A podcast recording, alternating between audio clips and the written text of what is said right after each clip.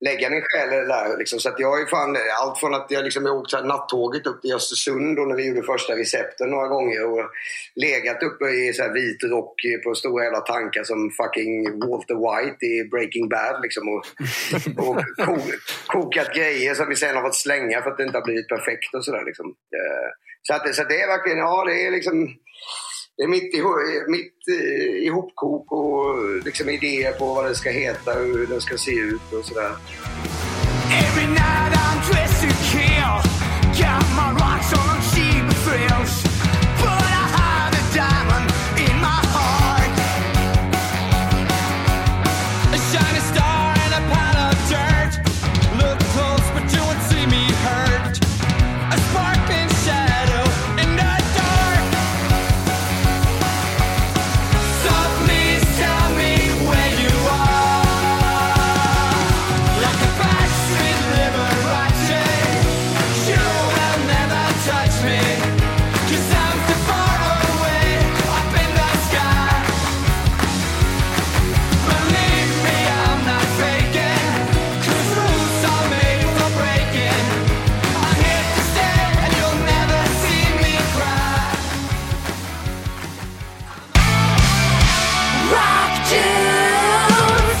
Ja men hallå där kära lyssnare och fans av Rock Dudes. Nu är det dags för en ny episod och i avsnitt 109, ja då har vi faktiskt två gäster. Där den ena är väldigt välkänd och det är ingen mindre än Dregen. Och sen har vi en yngre kille som heter Jesper Lindgren som spelar i bandet Velvet Insane. Och du kunde höra ett smakprov här i inledningen av deras låt som heter Backstreet Libres som är ett samarbetsprojekt tillsammans med Dregen och Nicke Andersson. Jag tycker verkligen att det är så kul när att musik relaterar så mycket som det gör och när man har två personer som är från två helt olika generationer så möts de på en helt random plats. Vad är det då som skapar gemenskap? Jo, det är bandet Kiss. Helt otroligt. Och det här kommer vi få höra mer om såklart under avsnittet och sen så ska vi såklart prata om bärs. Det är ju så att Dregen har skapat sitt eget varumärke och släpper öl under namnet Riff. Så ja, vad ska man säga om det här avsnittet? Vi har livet själv, vi har musik, vi har rock'n'roll och vi har bärs. mycket mer än så behöver man inte begära, eller vad tycker ni? Jag skulle verkligen vilja slå ett slag för att ni alla som lyssnar på det här går in och följer oss på sociala medier, om ni inte redan gör det. Antingen så hittar ni oss på Facebook eller Instagram. Och vill ni dessutom sponsra oss och stötta oss lite ekonomiskt, ja då har vi såklart ett Patreon-konto. Och eh, där kan ni antingen lägga en engångssumma eller subscribe er per månad. Vi är oerhört tacksamma för det är de pengarna som verkligen gör att den här podden kan vidareutvecklas och finnas kvar. Och hur gör ni då? Jo, för att hitta oss på de här plattformarna så söker ni helt enkelt på Rockdudes-podden. Svårare än så är det inte. Nej, vad säger ni gott folk? Vi tar och hoppar rakt över till intervjun med Jesper Lindgren från Velvet Insane och Dregen. Jag börjar med en klassisk rockdudes-fråga och det är, och vi kan ta det en och en då. Eh, Jesper, ditt första musikminne, vad är det? Mitt första musikminne förutom Dr Bombay och Dr Macdo och sånt där. Ja, ehm, du får välja själv. Ja, vad härligt. Nej, men då var det ju när jag var nio år och eh, lyssnade på Double Platinum på kassettband. Eh, med Kiss. Det var Strutter var första låten som jag hörde och det var alltså 1978 års version när de var lite mer discokomp. Mm -hmm. Ja, spännande. Vad är för dig då, Dregen? Är det något Kiss-minne för dig också? Eller vad? Ja, det är det väl egentligen. Alltså, min första skiva var ju Kiss Alive 2. Eh, men min första skiva som jag köpte för egna pengar var Nevermind the Bollocks med Pistols. Uh, nej, det så är det inte alls. Det var precis tvärtom jag sa. Min, min första skiva jag köpte för egna pengar var Kiss Alive 2. Men, men om man ska säga egentligen mitt liksom, första musikminne var väl egentligen Anita och Televinken var det någonting som hette. Det var någon slags... Eh... Barnprogram va? Ja, ett barnprogram. Om, och jag var med i Anita Televinkens singelklubb. Jaha. Fick man hem liksom en vinylskiva varje... Då var det någon jävla musik, men sen var det på andra sidan så var det lite olika trafikregler och sånt där. Mm. Hur det gick till. Eh, och nu kommer jag då till den här... Eh, jag mötte Lasse i Kuriosan där, det är att Jocke Eriksson, trummisen i The Nomads, jag tror att det är hans mormor eller farmor som, eh, som sydde Televinken-dockan. Yes. Ja, som har liksom eh, på riktigt gjort ja, Televinken-dockan. Ja. Jag håller på att googla där vad Televinken är för någonting. För det... Ja, precis. Ja, det är lite för, eh, lite för tidigt för dig. Ja, verkligen. Det kan man ju säga. Jag tror att det var en dispyt där mellan... Alltså TV3 kom ju sen några år eh, senare och hade någon, ja, någon... Det fanns någon slags TV3-karaktär som såg ut... Eh, jag kommer inte ihåg vad den jäveln hette, men det var också... En, Menar du han Skurt? Ja, som skulle lära folk att ja. panta den här lilla grodan? Ja, Ja. det är lite mer din generation, men de, de har ju snott väldigt mycket. Så jag tror det var någon patenttvist där faktiskt. Mellan, för att den var ju, den där jävla Skurt eller vad hette, det, det är ju liksom totalt snott från Televinken. Så Televinken är ju liksom the real shit liksom. Ja. Nej, han ser ju mäktig ut på bilderna. Jag har liksom helt glömt bort vad fan frågan var, men ja. Ja, det var Men, eh, musikminne. Men eh, Ja. jag, jag, gillar, jag gillar verkligen... Eh, jag, jag gillar ju när man har lite så här, spon- spontanitet i, och inte slaviskt vid något manuskript. Liksom, så det blir alltid Ja, ja, jag gillar ju vänstersvängar liksom. Exakt. Framförallt snett uppåt, höll jag på att säga. Ja. Eh, ja, men alltså ni båda verkar ju inom musikbranschen väldigt hårt och eh, som sagt var två olika generationer. Men eh, vad, vad var egentligen drivet för er båda från början? Att, va, fanns det något annat alternativ än att vara i musikbranschen helt enkelt? Eh, Ja, för mig eh, var det ja, egentligen, jag hade väl jag, var ganska bestämd när jag var liten så jag hade tre alternativ. Att jag, ett skulle bli astronaut, två NHL-proffs i hockey eller tre rockstjärna. Och det var väl egentligen, det var ganska brett tyckte jag.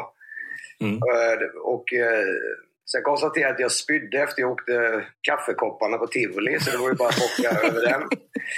Eh, sen var, var jag ganska bra i hockey ett långt tag. Så jag spelade ju faktiskt hockey jag har diplom från säsongen 76-77. Jag är född 73 så jag började väldigt tidigt. Min pappa var ju bandyspelare på professionell nivå då.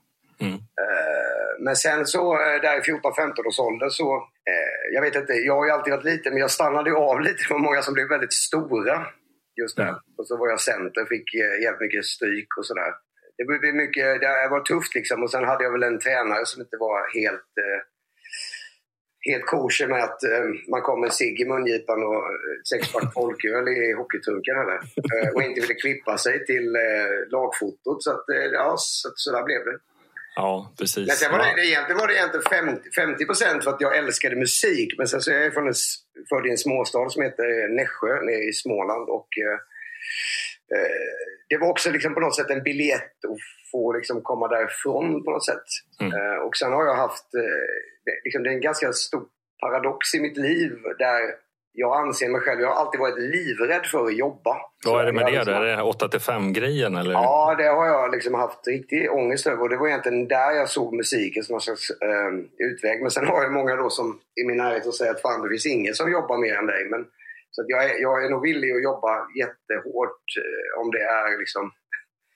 Jag har nog lite svårt att ta... Jag har liksom inte förstått idén riktigt med att stå... Göra samma sak kanske hela tiden på samma plats och allt det där kanske? Ja, det gör jag ju hela tiden inom musiken, men det är på mina premisser. Liksom. Om man Ja. nu gillar att lägga fyra muttrar i en jävla redline-påse hela dagarna så är det ju fine. Men jag hade lite högre förväntningar på livet än det. Vad var den stora arbetsgivaren i Nässjö på den tiden? Ja, det var ju Nässjö IF, SJ. Det är ju en stor tågknut fortfarande. Och sen någonting som heter Eldon som gjorde elskåp som var stora som fan. Och sen var det ju en stor pinnstolsfabrik någon gång på 50-60-talet. tror jag. Ja, vi är ju tre stycken småstadsbor från början. Eh, Men Jesper, vad, hur var under din uppväxt? Vad var det keypoint att jobba med musik? Ja, det var det väl eh, på något sätt. Och sen har ju det, kärleken till musiken har ju lett till massa olika projekt och eh, allting som är kreativt och konstnärligt och där, ja, men lite som Dregen sa, att man får jobba på sina egna villkor. Eh, och så ramlar man in på olika bananskal och hamnar in i ölbranschen och så får man vara, man får ha hundra olika hattar som man byter hela tiden. Liksom. Och det, någonstans där så tycker jag om det. Liksom. Mm. Ja, det, man får jobba. Mm. Mm. Ja, det håller, jag, ja, det håller jag med dig om där Jesper. Så att jag, ty jag tycker liksom att jag jobbar nog lite mer att, visst jag är liksom musiker men jag tror att jag skulle nog egentligen vilja kalla mig mer som, ja, det finns nog inget svenskt, ja det underhållare låter inte så bra på svenska, men liksom mer liksom entertainer mm. än Alltså det finns så många olika... Jag, alltså alla mina idoler som jag har, som jag alltid sett upp till, har ju gjort mer än bara suttit och skrivit musik och sådär. Liksom. Eh, de är liksom eh, uttrycker sig liksom i, i text och i bild och eh, ja, men du vet, jag tänker på allt från liksom Bowie till... Jag håller på att måla mycket själv och liksom... Jag gillar att ta mig an saker. Liksom, ja, till exempel det som jag och Jesper har gemensamt här nu då, det är ju liksom min öl som heter Riff. Där jag egentligen liksom behandlar den ölen precis som att det skulle vara en ny skiva eller vad som helst. Ja, men det är lite så. Jag, alltså, jag brukar kalla det för kreativ, alltså att man är, man är, alltså alla är väl som jobbar i musikbranschen är kreativa på sitt sätt men sen behöver man inte göra multi, alltså Nej. göra massa olika saker. Men är, är man extremt kreativt lagd och kan rita mm hitta på öl och allt vad det nu kan vara. Liksom. Det är bara sky is the limit. Då är, då, då, måste man gärna, då är det kul om man får utlopp för det helt enkelt. Ja, så jag tror att det, det, ena ger det andra lite också. För jag kan bli lite så att om man bara liksom spelar och skriver hela tiden då kan jag nog bli lite liksom, eh, trött på det också. Och göra något annat kreativt så ger det liksom, så ger det liksom speglar det tillbaka sen på musiken och sådär. Eh, spela mm. med andra, göra liksom Ja, men jag, jag, tror liksom jag mår bra när jag känner mig liksom fri på något sätt. Eh, och då eh, mestadels komma ganska roliga, bra saker. Mm. Ja men absolut, det där känner jag igen mig i också. Att man... Men också sen i musikbranschen så är det ju speciellt som ett eh, nytt band och ny musiker så är det ju svårt att enbart kunna leva på ett ben och bara kunna skriva och spela musik. Liksom. Utan man får ta på sig alla olika hattar och få in pengar på bordet. Liksom. Mm. Allt för att slippa jobba för någon annan än sig själv. lite grann. Nu får jag jobba för Dregen och Nyckelbryggerier men det, det är ändå en liten del av min hatt, min egna hatt. Så. Ja, men det är ändå konsult liksom. Det... Mm. Ja, det är, jag skulle säga att det är fjädern i hatten du sitter på. Ja, ah, smicker. smicker. Hoppa lite fram och tillbaka, men vad var det som förde ihop er? Var det just ölprylen eller vad, vad var det från ja, början? Men det, det, det, fina i det är ju ändå att det är rockbandet Kiss igen nu då. Eh, mm. Äh, faktiskt. Äh, Jesper gjorde en intervju med mig för en Kiss fanclub-tidning som heter Destroyer, va? från Kiss Army. Ja, exakt. exakt. Ja, sen började vi snacka bärs. ja, precis. Och så kom ju pandemin där och det var ju mm. lite tur i oturen någonstans tror jag. För att ja. om det inte hade varit pandemi så hade det kanske inte blivit någon riff. För då hade ju ditt eh, och även mitt schema kanske sett helt annorlunda ut. Också. Ja, jag ska väl inte sticka under stol. Jag har liksom fått den här frågan tidigare eh, och sen så det kändes som att det var väldigt många artister och liksom i nöjesbranschen som började göra öl och vin och sprit och sådär. Liksom. Och så ville man jag tänkte att det här var inte så intressant. Liksom. Och så hade man mycket, och det var turnéer och göra plattor och sådär. Liksom. Men just nu när pandemin kom, och sen blev jag lite sur också för jag tyckte att många av de här artisterna, det känns bara som att de ganska mycket ibland bara sätter sin logga på. Liksom. De vet inte ens vad som... De har inte liksom haft, varit så inblandade i hur det smakar, hur det ser ut och sådär. Liksom. Mm. Då tänkte jag att nu fan, nu har jag ju tid här för att nu kan jag verkligen lägga min själ där. Liksom. Så att jag är fan, allt från att jag, liksom, åkt nattåget upp till Östersund och när vi gjorde första recepten några gånger och legat uppe i så här vit rock på stora jävla tankar som fucking Walter White i Breaking Bad. Liksom, och, och ko, kokat grejer som vi sen har fått slänga för att det inte har blivit perfekt och sådär. Liksom. Eh, så, att, så det är verkligen, ja det är liksom det är mitt, mitt eh, ihopkok och liksom idéer på vad det ska heta, hur den ska se ut och sådär. Så jobbar jag ihop med en kille som heter Björn Rallare som jag gör mycket liksom, design med och sådär. Fan vad roligt. Så att, ja. jag, jag, ville ju söka, jag ville ju söka till konstskolan när jag gick ut men jag hade för dåliga betyg så jag blev svetsare istället. Så att, ja. ja, det är ju någon form av artwork det också. Ja. Beroende på vad man svetsar för såklart. Men, eh, men vad roligt. Eh, vad var det som... Vad har du för målbild av själva ölskapandet? Är det själva bara innehållet eller paketering? Allt? Ja, kan du berätta lite mer om det? Ja, men, ja, jag har väl lite så här, jag tacklar väl det. Men nu, nu har man en slags vant sig vid den här, att den här pandemin kommer pågå. Så att, nej, men du vet, man gör... Jag har gjort den här lagen eh, som jag är väldigt nöjd över och det var ju kul liksom. Och, och, och sen har jag blivit mer liksom intresserad och eh, ganska imponerad av folk som brygger öl. För jag tänkte att vad fan man det är lite, man har lite vatten, slänger man lite jäst och sen så kokar den ihop och sen får man en bärs. Liksom. Eh, och det är ju otroligt komplext liksom. Ja. Eh, så det är ju verkligen ett hantverk och sådär. Och nu har det bara blivit ett riff lager. Sen när man släppt, släpper jag typ två singlar från den plattan. Som är då Riff IPA som kommer och så kommer Riff alkoholfri. Uh, ja, men det är bara kul att hålla på och de där går ihop som en liten familj. Och, och sen ska vi försöka liksom, fan nu är det liksom, ja det är barer i London, i Berlin och Hamburg och Tokyo som vill ha riff i baren. Och jag tänker att det blir som någon slags helhetskoncept och jag tror att det där skulle vara rätt coolt. Så när man kommer liksom och spelar i Osaka nästa gång så lirar man och så ser man liksom att det står några fans och dricker ens bira medan man lirar, lirar ja, Det känns som att då har man liksom verkligen så här tagit varvet runt. Liksom. Men under resans gång alltså, liksom, så nu, nu är det liksom den nya Riff som har kommit nu som är lagen. Den, den kommer nu då med en familj. Så mitt under resans gång så har ju jag och Jesper, eller jag då, bytt bryggeri också. Mm. Ifrån eh, ett jämtländskt bryggeri som heter Jämtehed och Brande som var fantastiska. Och det var ju lyxproblem egentligen. Det är ett litet bryggeri där vi sålde slut hela tiden och sen var det liksom fem veckor och vänta på nästa leverans. Och, och sen så så vi skildes ju åt med, som vänner. Liksom. Det var väl att jag hade lite... Ja, vi hade liksom... If there's grass on the pitch, let's play på något sätt. Liksom. Och mm. de tyckte väl att det, var, det räckte. Jag ville gärna att, att man ska kunna beställa sin riff i Hallstahammar och i Osaka.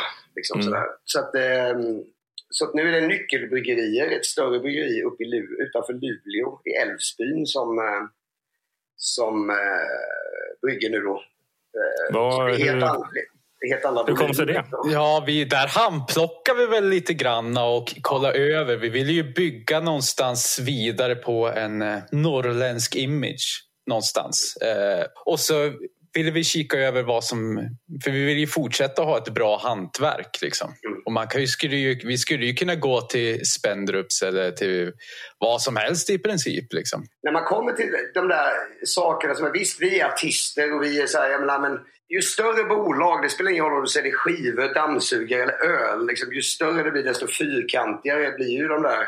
Det känns som att om man ska gå på de här större bolagen så blir det ett, inte lika roligt, två, inte lika gott och tre, så blir det bara massa byråkratisk skit. Liksom. Det här mm. känns fortfarande på en, liksom en, en skön underground punknivå där det finns liksom artistisk frihet vad som gäller smak, utseende och om man vill göra lite roliga liksom, eh, events och sådär. Liksom, eh, och det är någonting som vi inte har pratat om som är viktigt för mig på vägen också. Det är ju liksom inte bara att man ska leva på det utan man ska ha kul under tiden man gör det här också. Mm. Det är också viktigt för mig. Det är också att komma in igen på det här med frihet. För att det, blir du den där marionettdockan liksom, eh, och blir styrd och ägd av någon annan, då kan du lika väl stå, kan, i alla fall jag, då kan jag lika väl stå där och stoppa i dina fyra muttrar i den här redline-påsen. Liksom. Då är du bara en jävla anställd ändå. Liksom. Men när det kommer till, jag är lite nyfiken på nu är det en lager, eller en ny lager då. Mm. Är det ett annat recept också på den lagern jämfört ja, med den tidigare? Baserad på samma fast något svagare. Eh, den gamla Riff, om man säger, den förra Riff var 5,6 som är en ganska mm. stark lager, liksom mot det starka. Den nya då är bara 5,2. Och mm. receptet grundar sig på ungefär samma men det blir ändå en ganska stor skillnad, tycker jag i alla fall. Alkohol, det, det ger ju väldigt mycket annan smak. Liksom. Och varför vi gjorde detta det var för att det då skulle komma en IPA som då är eh, 6,3. Och då mm. tyckte jag att det blir liksom 5,6, 6,3. Då blir båda ganska liksom starka de här. Då. Därför la jag liksom lagen på 5,2 och så ligger IPA på 6,3.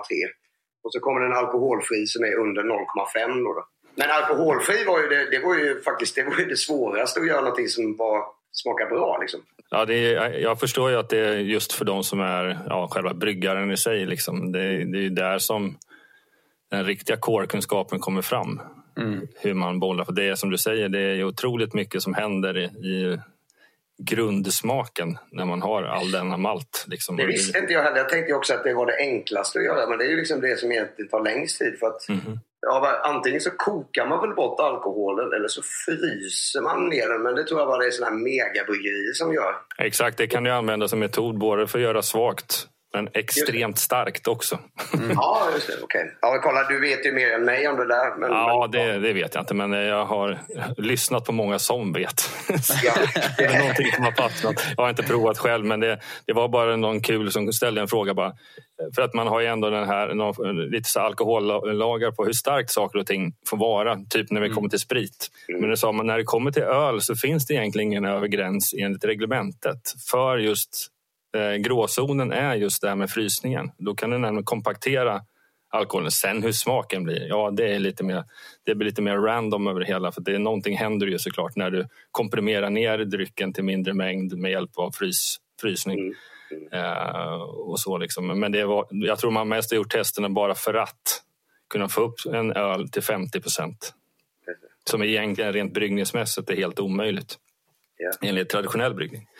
Så att, ja. eh, nej, men det är väl bättre att hålla sig till de ja. normala styrkorna.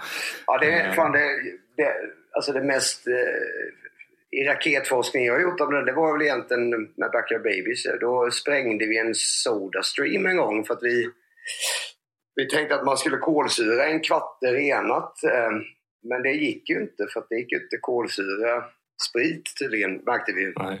Nej. det började lukta bränt om det så rökte lite av den där Sodastreamen. ja, för min känsla om jag ska verkligen bara eh, se dig och det, den musik du gör och så liksom, så lager det är som handen i handsken. IPA, vad, har du någon historia bakom det att dricka ja. en del IPA? Det vet ju Jesper om. Eh, jag var inte så jättepositiv till detta. Men... alltså, man, kan, man kan ju säga så här att jag är nog den största IPA-hataren bland de flesta. Jag gillar ju inte IPA, men därför blev det här en eh, utmaning för mig. Så jag har ju liksom gjort vad jag tror är en IPA för människor som inte riktigt gillar IPA. Nej. Jag ska beskriva den. En, liksom en brödigare IPA som mm. är egentligen mer, liksom, om man nu, nu låter, men liksom mer åt liksom, lagerhållet. Om du fattar, ibland så tycker jag att det blir liksom det är nästan så att det, du, vet, du luktar på det nästan som att man undrar att någon sitter och röker en joint. Liksom. Det blir väldigt ja, blom, liksom, blommigt det här. Och mm. det kan jag ha lite svårt för. Jag kan dricka en IPA och tycka att liksom så här, men eh, det är inte så här, jag går inte på en festival och kollar liksom favoritbandet med en hel kasse med gammalt blomvatten typ. Ja, ja, det, kan bli, det, kan bli, ja, det kan bli lite för liksom, så blommigt för mig. Eh, så nu har jag gjort en... Eh, det kanske blir en total flopp eh, Riff IPA i och med att den inte riktigt smakar som IPA. Men... Nej, IPA har jag väl framförallt periodvis gillat väldigt mycket. Framförallt är det det som är roligt när det kommer till bryggning och IPA är just att där där kan man laborera mycket mer med smaker och grejer tack vare att man kan ju humla sönder förvisso en IPA också. Men, ja, men det jag tror, framför... ja. ja, förlåt. Ja, men, nej, men jag, jag, tror också det för att det har blivit lite... Jag bor ju på Södermalm också. Eh, mm. där, det har nästan blivit... Det är liksom svårt för mig att gå ut och Alltså, det är nästan man måste gå och leta efter ställen som har stor stark. För att ja, där är liksom, man är liksom i IPA-mecka. Så jag kanske hade gillat IPA mer om jag inte bodde just där. Det är liksom att jag har liksom gjort liksom revolt mot det här. Att vad fan. Det är liksom. det du har gjort hela livet med allt annat också. Liksom. Nu gör du mot IPA. Det, det jag skulle tycka var roligt, men det här det, kanske också är motståndare mot. Men var, för två år sedan så upptäckte jag framförallt ett bryggeri som heter Amundsen i Norge. Det är också typ ett, ja, det är, det är inget superstort bryggeri men eh, de säljer väldigt mycket av sina saker och det är framförallt deras Naper, alltså New England ah. IPA. Okay. Eh, och den är mycket mera, framförallt så här nu när vi börjar komma fram mot, att bli varmt och somrigt. Den, den, är, den är väldigt somrig, den har ju fortfarande en IPA-styrka liksom, ja, mellan 6-7 procent. Eh, men har en helt annan arom. Inte alls den här tunga delen som man kan uppleva med NIPA. Uh, så där kan, du, där kan du testa, testa det fram om mm. det skulle vara någonting för framtiden. Ja, ja. Ja, men det är väl också tanken för att det här med liksom riff, jag tänkte att man liksom bakar in, det blir ju, du hör ju mitt tänk, det blir liksom att ja, det är liksom en del av, känner jag liksom, jag behöver liksom inte gömma mig bakom att jag... Jag vet inte hur jag ska förklara det, men det känns ungefär, liksom att tackla ölen ungefär som att man har ett, ett band eller man målar konst eller vad som helst. Att liksom att det här kommer, liksom jag vill göra att det inte bara finns rifflag utan det här ska kunna liksom hända nästa sommar. Kanske det kommer någon gräsklipparbärs eh, som finns mm. under limiterad tid. Det är som att man släpper en limiterad singel i det ska bara vara lite kul med smaker. Och, och, och liksom, när jag rannsakar mig själv så är det att jag gillar ju att uttrycka mig liksom, i sång och, och gitarr liksom, och, och, måla och skriva. Det är lite likadant med, jag målar ju konst och sånt men jag gör ju även lite så möbler för att det blir så jävla 2D, liksom en, en tavla på väggen och möbler är ju också, det är som ett konstverk snyggt och det är ju funktionellt liksom. Det är lite likadant med smaker liksom. Jag kan tycka att eh, det är kul liksom med ljud och snygga saker och saker som smakar gott. Det är ju... Hur har ditt år sett ut annars? Vi kan, vi kan börja med Jesper lite. Hur, hur, ja, förutom att du har hjälpt Dregen med, med eh, sin bärs, så att säga. Vad, hur annorlunda har året sett ut i övrigt? Ehm, ja, man fick ju... Schemat tömdes ju på alla sätt och vis när pandemin drog igång. Ehm, vi hade ju med bandet, eh, då hade vi två stycken lite större turnéer som vi skulle göra utomlands. Ehm, och de blev ju avbokade. Då fick vi tänka om och börja skriva och eh, spela in en platta istället som kommer nu 16 juli släpps den äntligen. Mm. Men sen, ja då har det blivit ganska mycket bärs liksom. På något konstigt vänster. För jag är ingen det är inte så att jag går varje fredag, lördag, söndag, måndag, tisdag, onsdag, torsdag, fredag och köper öl. Liksom. Utan jag dricker det ibland. Så här, tycker det är helt, helt okej okay, gott. Liksom. Och, eh, så det har blivit ganska mycket olika. Man har fått tänka om flera gånger angående olika typer av spelningar. Man fick, eh, jag körde ganska mycket spelningar förra sommaren utomhus för få personer akustiskt. Sen fick man, när andra vågen kom, eh, då vart det digitala gigs istället. Så man har fått tänka om flera gånger men på något sätt så har man ändå klarat sig igenom det. Nej, men det har varit kreativt och annorlunda. Men det har varit, för min del så har det varit väldigt, på något sätt ganska bra. Liksom. Mm. För man har fått den här sparken som man kanske behöver för att utveckla både sig själv och utveckla alla koncept och sånt som man håller på med. Och för dig då, Dregen? Ja, jag tycker ja, alltså jag försöker ju se saker liksom halvfullt sådär. Jag tror liksom att det är klart att det här är otroligt tråkigt men jag, jag tror liksom som på det stora hela liksom när vi har överlevt. Nu, nu kan man inte prata liksom, det här drabbar ju all, precis varenda jävel på hela jorden liksom, men när man liksom nischar ner det till musikscenen på något sätt så tror jag ändå att vi kommer komma starka ur det här för att det, det är mycket liksom, inom branschen så är det många sådana här lallare som kommer vara borta. Det är liksom när rävskabben kommer liksom att det dör ut liksom. De här oseriösa spelställena, oseriösa skivbolag, oseriösa vad som, eller de som inte orkar ta tag i det. Jag tror att liksom de här liveställena som nu kommer överleva eh, det kommer, de, de, deras namn och varumärke kommer bli ännu starkare tror jag efter det här. Liksom. För att de har liksom orkat ta sig igenom, för att de brinner för musiken. Liksom. Eh, det tror jag är likadant för, för band eh, som är, har varit lite trötta. Man har turnerat som fan. Liksom.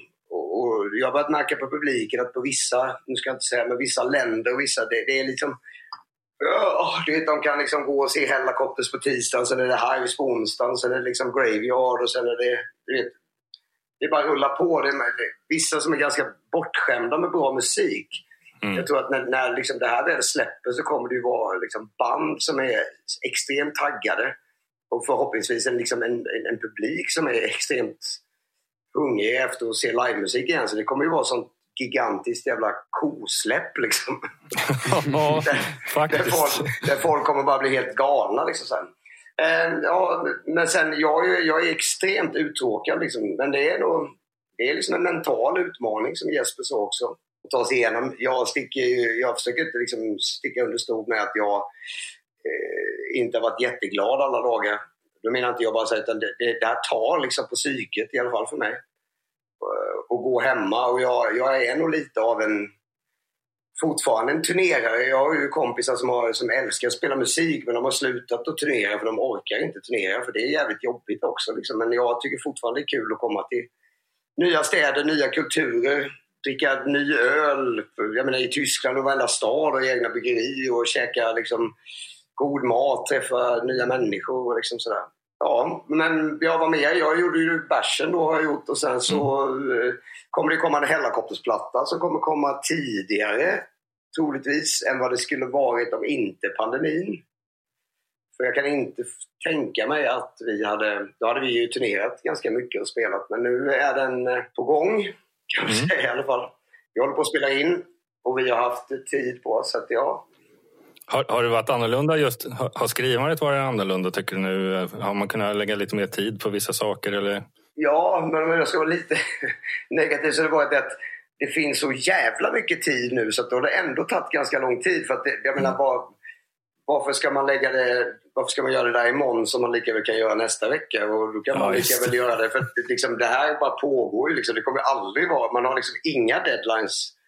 Eh, men ja, vi har tagit tag lite i kragen sådär. Men Ja, men det, det, det, vi, vi har liksom jobbat på i ett skönt, eh, liksom ganska självsäkert lugn på något sätt. Så. Ja, det, framtiden den är extremt svår. Det som är roligt just nu tycker jag, den senaste månaden framförallt senaste veckorna. Det, det känns ju som att från att ligga till träda fullständigt och det enda man har sett är framflyttade saker. Nu börjar det på något sätt folk försöka boka, eller ser ut som att det är nybokade saker.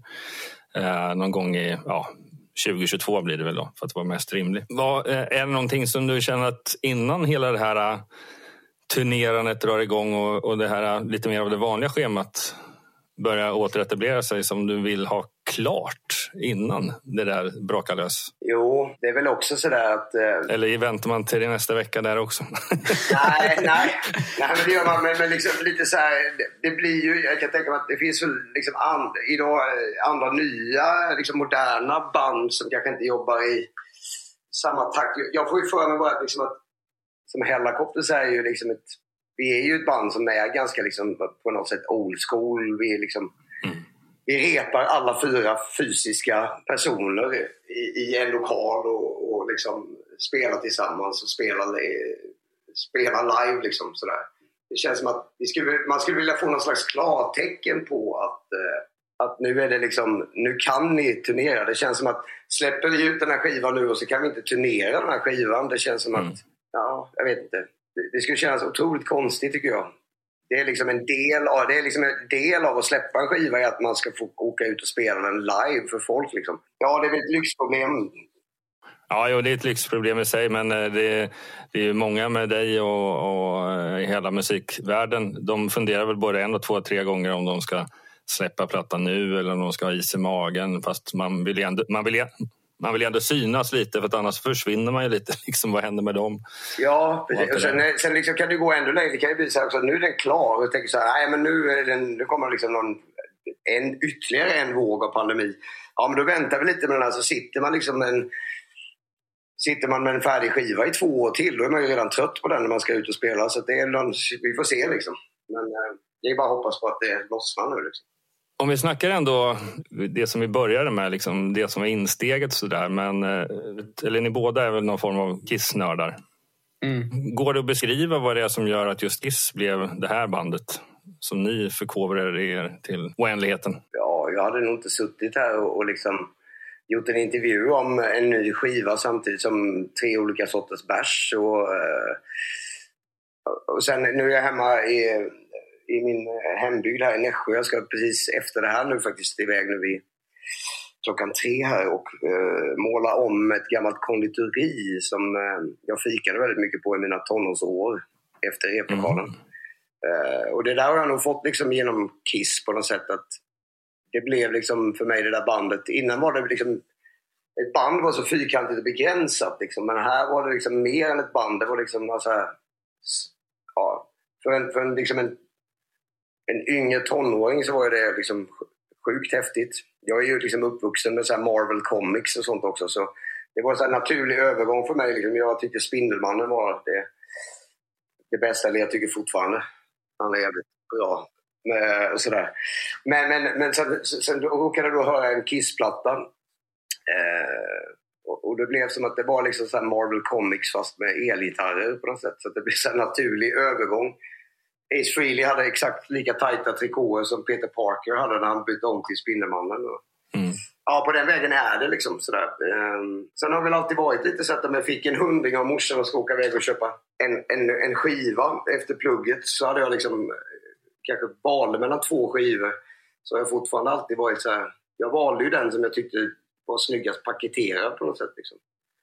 Och där är jag fortfarande väldigt liksom, intresserad eh, idag av liksom, estetiken med liksom, skivomslag. Och, alltså, inte just ett, det, kan vara ett jätte, det kan vara ett otroligt snyggt omslag och så limmar inte det med musiken. Då blir, det bara, då blir varken omslaget snyggt eller musiken bra. Liksom.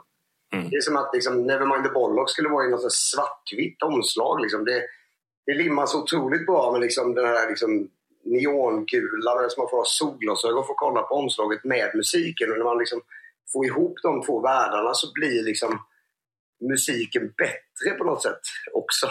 Det är liksom en helhet. Det är lite som jag brukar säga, liksom en god middag. Vad fan egentligen, du kan ju... Jag vet, jag har brutit käken en gång så jag fick gå med så ställning i ett halvår.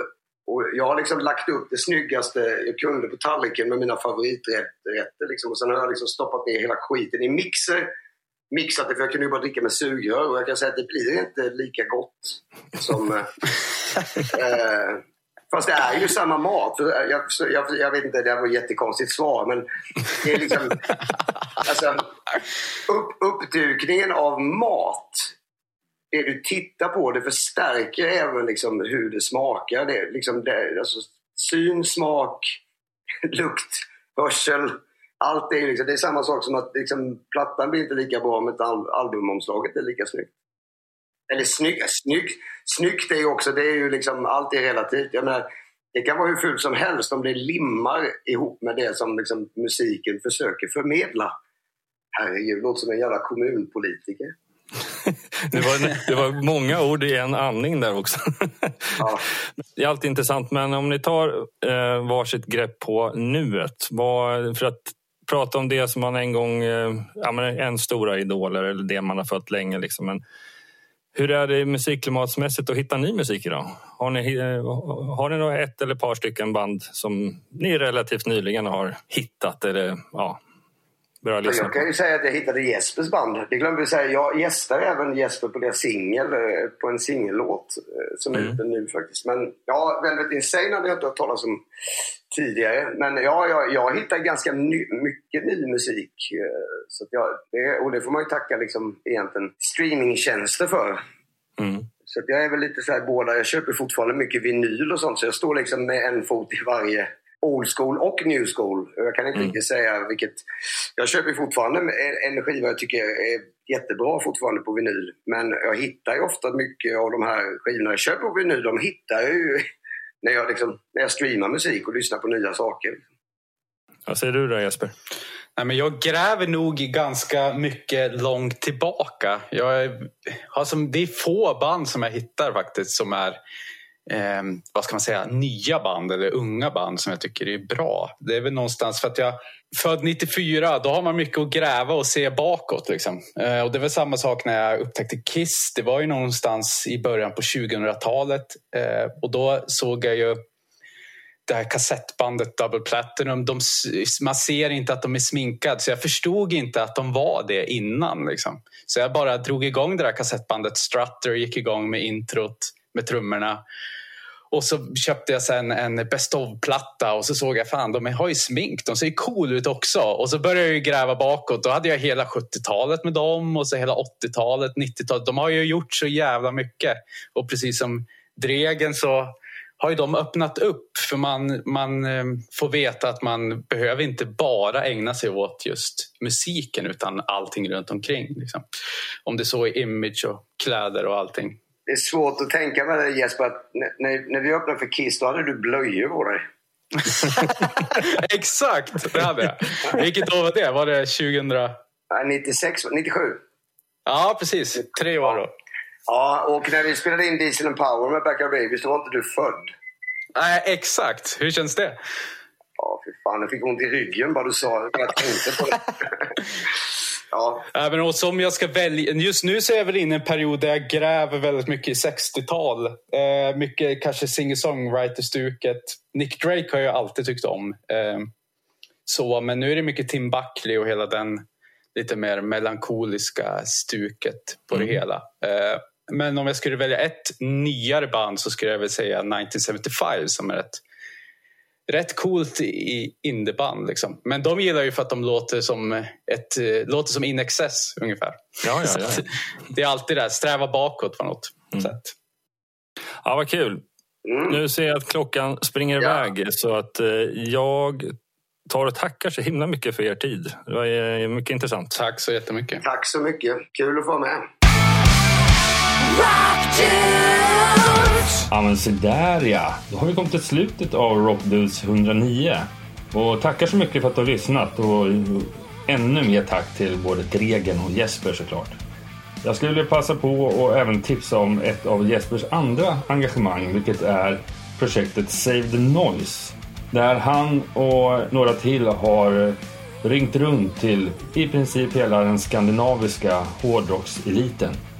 Och det är otroligt många som har ställt upp. Och som sagt var, alla pengar som den här låten drar in det går oavkortat till Musikerförbundets krisfond som nu, framförallt under pandemin, har hjälpt till många människor i kris som jobbar inom branschen.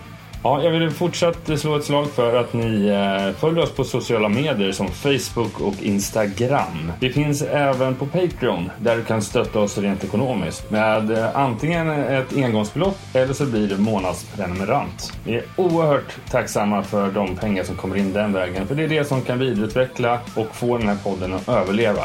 Så stort tack! Ja, hur gör man för att hitta oss där ute på de här plattformarna? Jo, du söker på Rockdudes-podden Ja, nästa avsnitt av Rockdudes, Jag håller det lite för mig själv för att under sådana här pandemier, man vet aldrig när nästa avsnitt har spelats in och när det kan produceras klart.